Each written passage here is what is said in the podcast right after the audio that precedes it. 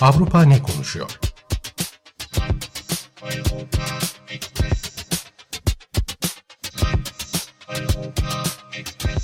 Avrupa medyasından yorumlar.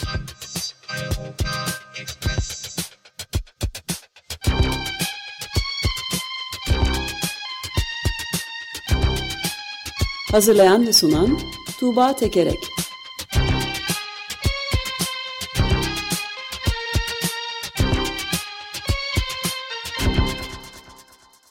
Günaydın Tuğba, merhabalar. Günaydın Ömer Bey. Günaydın. Günaydın Özdeş. Avrupa ne konuşuyormuş bakalım? Hmm, Avrupa ne konuşuyor? Eurotopics bültenlerinden derlediğim haberlerde, yorumlarda. E, bugün önce İsrail-Filistin meselesinde olanlara değineceğim. E, aslında bu mesele artık gittikçe sıcaklığını kaybediyor.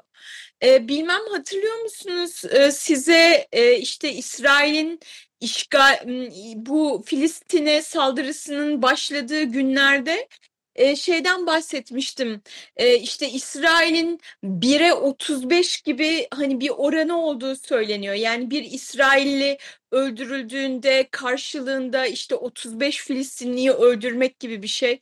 İşte şimdi de 35 bin Filistinli mi öldürülecek? Falan e, gibi bazı yorumcular vardı diyen, diyen yorumcular vardı onu aktarmıştım. yani hepimiz şaşırmış yani o kelimeyi telaf o rakamı telaffuz etmek 35 bin hepimizin tüylerini diken diken etmişti.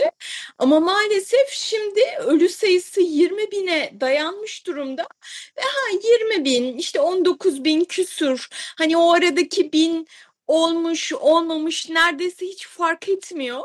Haberler, yorumlar maalesef öyle bir düzeye geldi. Yani her gün yüzlerce insan e, ölmeye devam ediyor ve İsrail-Filistin meselesi büyük ölçüde medyada sıcaklığını yitirmiş durumda diyebilirim en başta bu meseleyi açarken. Evet yani hiçbir zamanda tam e, medyada yerini bulmadığı rahatlıkla da söylenebilir üstelik beklendiği gibi yani tarihin en büyük katliamlarından biri hatta Holocaust'tan sonraki en büyük şeylerden bir tanesi olduğu zaman zaman yorumcular tarafından söyleniyor. Bugün de hatta e, şeyden bahsettik. E, Amerika Birleşik Devletleri'nin ve dünyanın önemli tarihçilerinden biriyle yapılmış Democracy Now! E, mülakatında Raşid Halidi'nin Edward Said profesörü Columbia Üniversitesi'nde tarihçi yani e, aklın hayalin alamayacağı bir yıkımdan bahsediyor ve medyada bahsedilmiyor bile bundan diye de şikayet ediyordu. Çok haklı bana sorarsan bir New York Times'da adı bile geçmiyor bazı katliamlardan bahsediyordu. Amerikan silah şirketlerinin bombalarının, roketlerinin, uçaklarının filan. Yani böyle bir durumdan sürdürülemeyecek, kabul edilemeyecek bir durumdan bahsediyordu. Sen de ona yani sıcaklığını kaybetti derken aslında hiçbir zaman da tam sıcak değildi bence. Evet, evet kesin yani olayın e, dehşetini yansıtacak oranda haberler e, ve yorumlar çıkmadı. Yani sadece e, Batı medyasında bunun bu tutumun yaygın olmasını sağlayan zihniyet nedir e, diye hani bunu anlamaya çalışırsak e, diye söylüyorum. Hmm. Mesela Avusturya'dan Kurye gazetesi diyor ki yani ateşkes falan ilan edilmemeli. Ateşkes ilanı e, dönüp İsrail'i tekrar tehdit etmesi için Hamas'a ödül olur. Ham, İsrail haklı mı? Evet. E, Hamas çetelerinin İsrail'e saldırısından sonra bugün hala anlaşılmayan bir husus var. E, Hamas'ın yaptığını haklı çıkaracak hiçbir siyasi sebep olamaz. Şunu unutmayalım. Hamas tek bir gaye uğruna savaşıyor. İsrail'i ortadan kaldırmak. Ee, yani aslında bu şeye tutunuyorlar genel olarak. Hamas İsrail'i ortadan kaldırmaya çalışıyor ve böyle bir e, organizasyonu yok etmekten başka bir yol yok ve o organizasyonu yok etmenin yolu da yani sivillerin e, ölmesi pahasına da olacaksa bu olmalı şeklinde e, bir e, tutum hakim. Ee, öte yandan şey söyleyelim yani ma maalesef e, İsrailli üç rehinenin öldürülmesinden sonra birazcık daha ya ne yapıyoruz yani bakın siviller açıkça öldürülüyor yani bunlar Filistinli olsaydı hiç lafı bile edilmeyecekti yorumları ortaya çıktı. Onun ardından biraz işte İsrail bu şeyini değiştirmeli diyenler var. Almanya'dan Frankfurter Rundschau gazetesinden yorumcu diyor ki e, İsrail acilen taktiğini, stratejisini değiştirmeli. Kit, kitlesel hava bombardımanlarının yerini Havas, Hamas savaşçılarına yönelik iyi istihbarata dayalı hedef odaklı saldırılar almalı demiş. E, ya da İsveç'ten Dagens Nyheter e, hani İsraillilerin güvenliğini sağlamak için tek yol müzakere. Zira edebilirsiniz şu anda belki ama o zaman da yeni Hamasların ortaya çıkmasına neden olursunuz diyor. Yani İsraillilerin güvenliği için daha farklı bir yol müzakere e, denenmeli diyen yorumcular var. Bir de e, şimdi bu e, savaş buradaki e, savaş dinamiğine yeni bir unsur girdi. Hani ilk defa böyle bir şey oldu. E, Husiler, Yemen'in geniş kesimlerini kontrol eden isyancı Husiler Kızıldeniz'den İsrail'e giden tüm gemileri hedef alacakları uyarısında bulundu ve bu kapsamda da saldırılar yapıyorlar ciddi saldırılar yapıyorlar. Ee, geçen ay sahibi İsrailli olan bir kargo gemisini kaçırmışlar ve son iki ayda da bazı ticari gemilere roketler ve insansız hava araçlarıyla saldırılar e, düzenlemişler. E, bu Husiler e, Hizbullah'la, İran'la aynı eksende hareket ediyorlar. Yemen'deki Şii azınlık Zeydilerden oluşan silahlı bir grup e, ve dediğim gibi Yemen'in geniş kesimlerini de kontrol ediyorlar. E, yani ortada resmi bir şey yok ama Amerika Birleşik Devletleri yani Husilere bu silahların İran tarafından verildiğinin kesin olduğunu söylüyor ve e, bu, buna karşı uluslararası bir organizasyon kurmak, askeri bir ittifak kurulması gerektiğini söylüyor. Bu Husilerin saldırısı aslında ekonomik açıdan söylenene göre hani ciddi bir tehdit oluşturuyor. Fransa'dan Liberasyon'daki yorumcu bu tehditi şöyle aktarmış. E, pek çok nakliye şirketi artık Ümitburnu üzerinden Afrika'yı dolaşmayı düşünüyor. E, yani bu Kızıldeniz'den gitmek yerine. E, fakat bu da nakliye süresini ve dolayısıyla bazı maliyetleri iki katına çıkarıyor. Bu durum ki, küresel ekonomi için bir tehdit. Artık mesele yalnızca İsrail-Filistin değil, bütün küresel dengeler tehlikede demiş. Ee, öte yandan da yani Amerika'nın e, işte böyle uluslararası bir askeri ittifak e, kurması önerisinin pek de başarılı olmayacağını e, söylüyorlar. Letonya'dan Diana gazetesindeki yorumcu da diyor ki e, bu Yemen'deki Husiler e, aslında Yemenli aşiret milisleri ve bu milislerin önemli özelliği e, şimdiye kadar başka hiçbir gücün topraklarını ele geçirememiş e, olmalarıyla biliniyor. Yani başka hiçbir e, güce topraklarını vermemiş olmalarıyla biliniyor şimdiye kadar.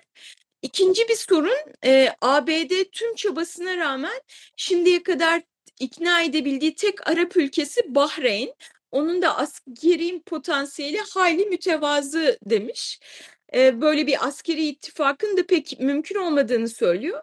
Yani hani ne olur bu Husilerin şeysi etkisi yani kısmen ekonomik olarak e, etkili olabilecekmiş e, gibi görünüyor.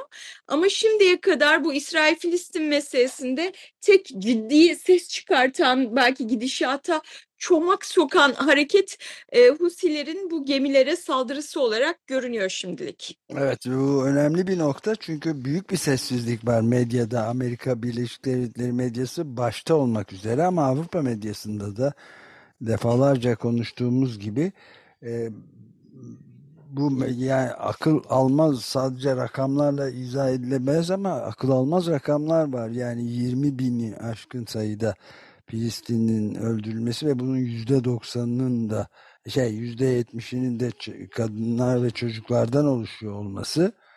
Ayrıca 9 bin, 8 bin üzerinde kayıp olduğu. Ne demek kayıp? Bundan da hiç bahseden yok. Yani şeyin altında, enkazın altında kalmış insanlardan bahsediyoruz. Bunlar sürekli konuşuluyor. Ama konuşulmayan e, bir nokta yani 2 milyon insan yerinden yurdundan oldu ve e, tarım arazileri de bütün röze ediliyor yani çiğnenip atılıyor, kazınıyor. Buna karşılık mesela şeyden bahsediyor mu Avrupa medyasını bilmiyorum ama yani bu, bütün bu silah şirketlerinin buradaki rolünden Boeing başta olmak üzere bir şey kuruluş var bunun.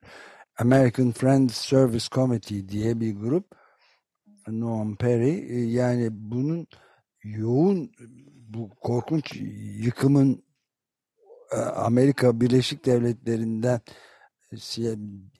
yoğun silah transferi olmadan gerçekleşemeyeceğini söyleyen ve detaylarını veren mesela şirketlerin adlarını veriyor. Boeing dünyanın en büyük silah yapımcılarından biri F-15'leri yapıyor. Apache helikopterlerini vesaire.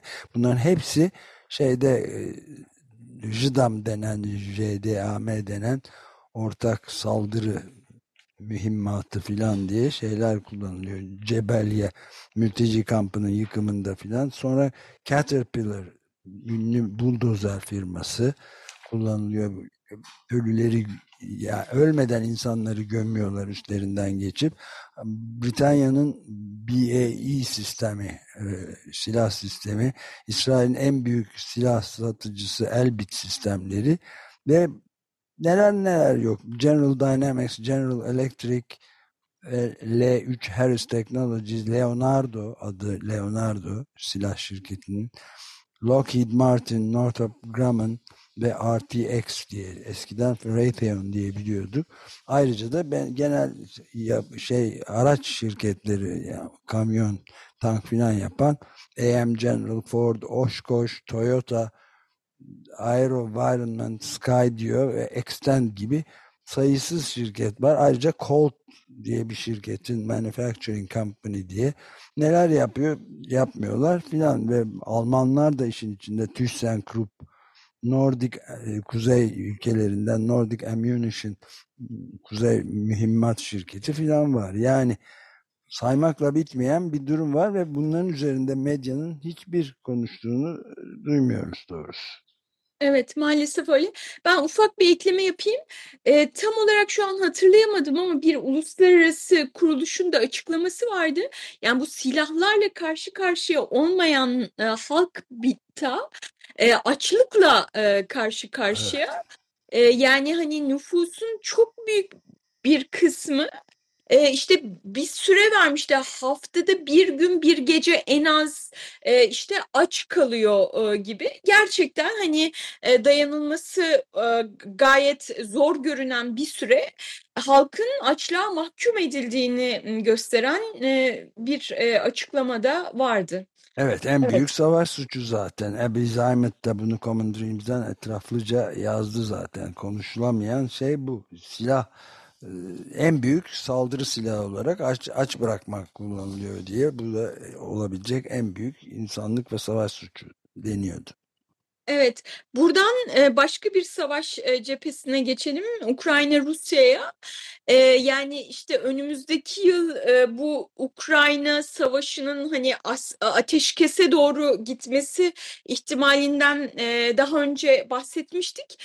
Ama yine de tabii ki e, genel olarak konjonktürü e, korkunç bir şekilde değiştiriyor ve askerileşmeye doğru gidiyor genel olarak Avrupa. E, buna ilişkin e, ilginç bir örnek Finlandiya hani on yıllardır tarafsızlık politikası e, izleyen bir ülke Rusya ile uzun bir sınırı var. Geçtiğimiz Nisan ayında NATO üyesi olmuştu. Şimdi de Amerika Birleşik Devletleri ile bir anlaşma imzaladı ve Amerika ordusunun Finlandiya'daki askeri üsleri kullanmasına ilişkin e, bir e, anlaşma bu. Yani Amerika ile askeri ortaklığını derinleştiriyor ve tabii bu e, sınırın öte yanındaki Rusya'yı şey yapıyor. Rusya'nın tepki gösterdiği bir durum. Putin bunun sorun yaratacağını söylemiş ve Rusya'nın Leningrad askeri bölgesi kuracağını ve Finlandiya sınırına birlikler yerleştireceğini duyurmuş. Ee, yani dolayısıyla Finlandiya Rusya sınırında da böyle bir e, hareketlenme olduğunu en azından bir askeri yığına dair e, işaretler e, olduğunu söyleyebiliriz. Dediğim gibi bu Finlandiya'da on yıllarda tarafsızlık politikası izleyen bir ülkede oluyor e, Finlandiya medyasından Etela Saima e, gazetesindeki yorumcu e, şöyle diyor.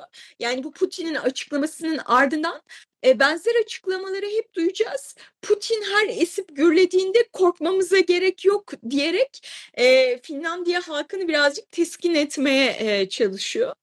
E, Finlandiya Dışişleri Bakanı Rusya'nın faşist ve emperyalist bir aktör olduğunu söylemiş.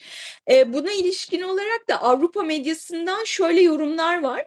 E, Finlandiya on yıllardır Rusya karşısında titrer ve sürekli diplomatik bir denge tutturmaya çalışırdı. Şimdi Dışişleri Bakanı'nın sarf ettiği bu sözler Ukrayna'daki savaş başladığından beri nelerin değiştiğinin önemli bir göstergesi demiş.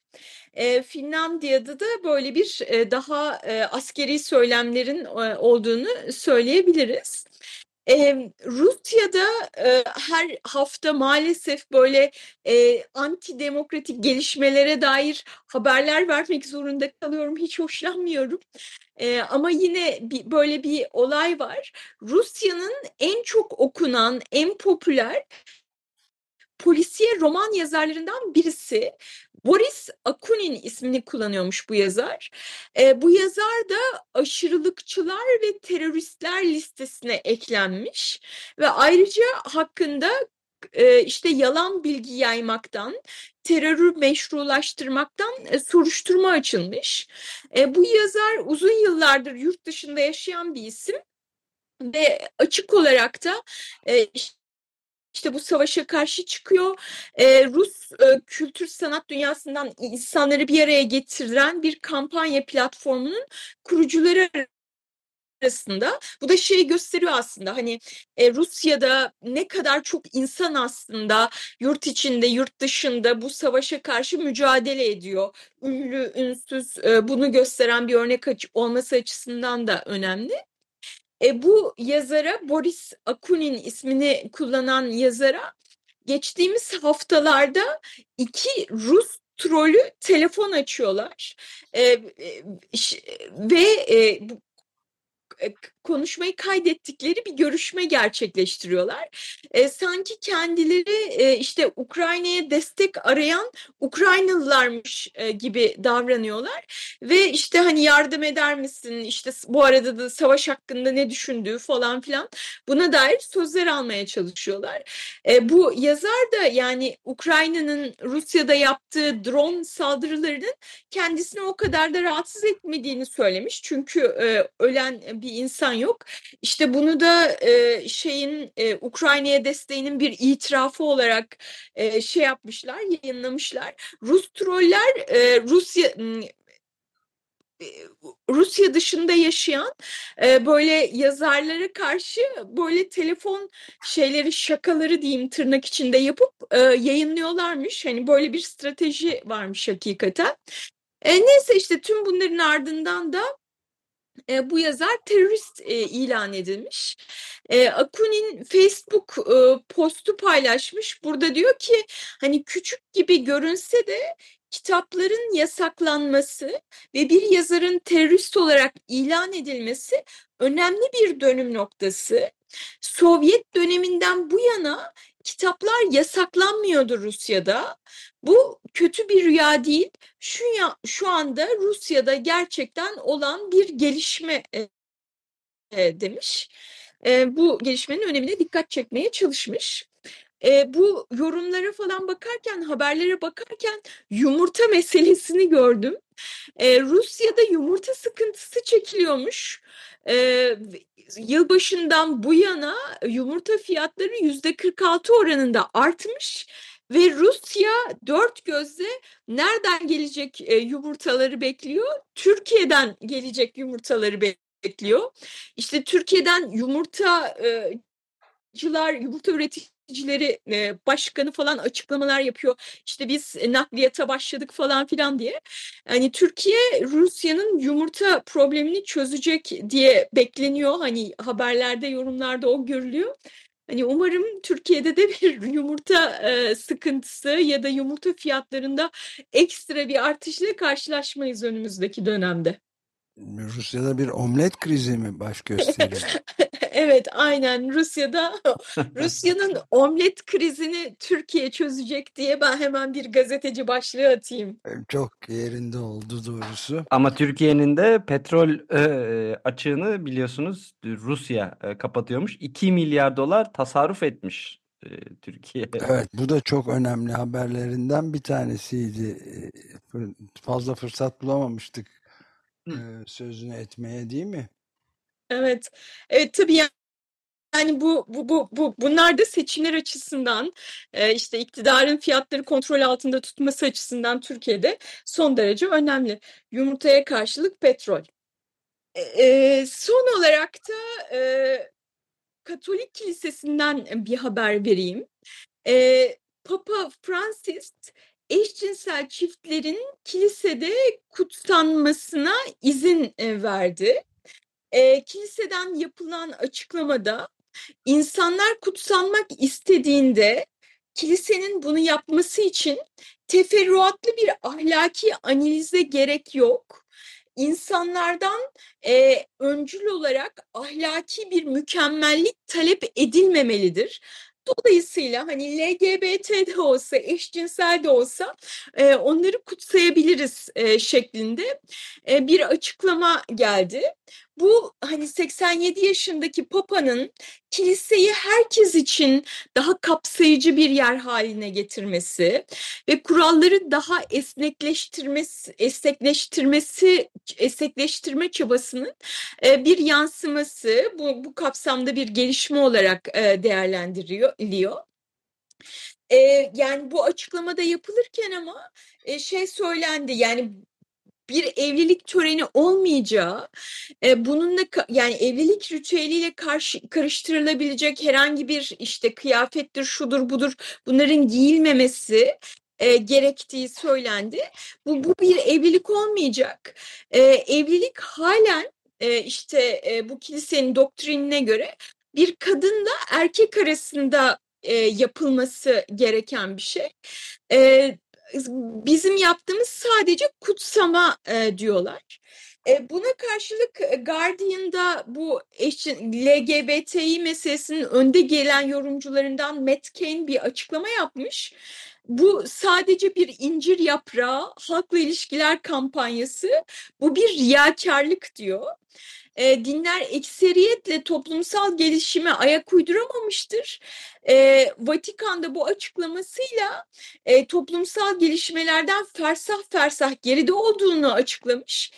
Tasvip etmedikleri e, ilişkileri sadece kutsuyorlar dişlerini sıkarak. İyi denemeydi Papa ama benim ihtiyacım olan şey eşitlik demiş. Yani bunu hiç yeterli görmediğini e, söylüyor. Ama öte yandan e, 2021 yılında bu konuda başvurular olduğunda bir açıklama yapılmış e, kiliseden ve kutsamanın katiyen mümkün olmadığı söylenmiş. Dolayısıyla yani bunun e, her ne kadar işte batıdaki bazı gelişmelerin e, eşcinsellik e, işte konusunda dünya bir yere giderken, batı bir yere giderken geride kalan bir tutum olduğu söylense de bir yandan da gerçekten kilise açısından, Katolik kilisesi açısından e, önemli ve somut bir e, adım olarak e, nitelendiriliyor. E, so, son olarak da bunu söylemiş olayım. Şöyle bir de e, kilisenin inanç doktrini departmanı geçen ayda transseksüeller hakkında e, bir açıklama yayınlamış. Bu kişilerin dini törenlere katılımı, işte vaftiz edilebileceği, vaftiz anne baba olabileceği, dini nikahlarda şahitlik yapabileceği açıklanmış.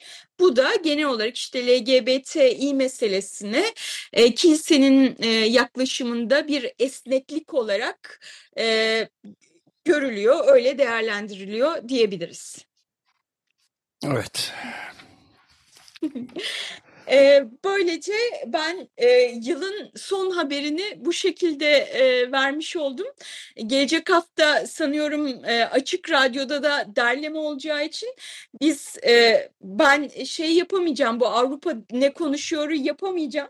Şimdiden herkesin yeni yılını kutlayayım ve seneye görüşürüz diye o, o espriyi yapayım. Evet çok teşekkürler. Biz de e, bu sayende bu açıklamayı bunun teaserını da yayınlayacağız bugünden başlayarak ama yani gelecek hafta Açık Gazete Çarşamba, Perşembe ve Cuma günleri yerini e, geçen yılın ardından adlı geleneksel programa bırakıyor. İki saat boyunca ay be ay neler yaşanmış olduğunu aradaki seslerle birlikte işte bu savaş ve barış meseleleri, demokrasi ve demokrasi düşmanlığı meselelerini e, iklim ve iklimi çökertmeye götürenlerle bununla mücadele edenlerin mücadelelerini ele alan derli toplu olmasına çalışacağımız uzun bir özetimiz olacak. Müzikleriyle beraber ve bütün e, şeylerini kaybedenler hayatlarını kaybeden insanların, önemli insanların ve hayvanların da dökümünün de yer alacağı geleneksel şeyimiz olacak. Geçen yılın ardından adlı programımız olacak. Biz de sana iyi yıllar dileyelim o zaman. Evet, Eurotopics bültenlerinden bu senelik bu kadar. Gelecek sene görüşmek üzere. Hoşçakalın. Görüşmek üzere. Görüşmek üzere.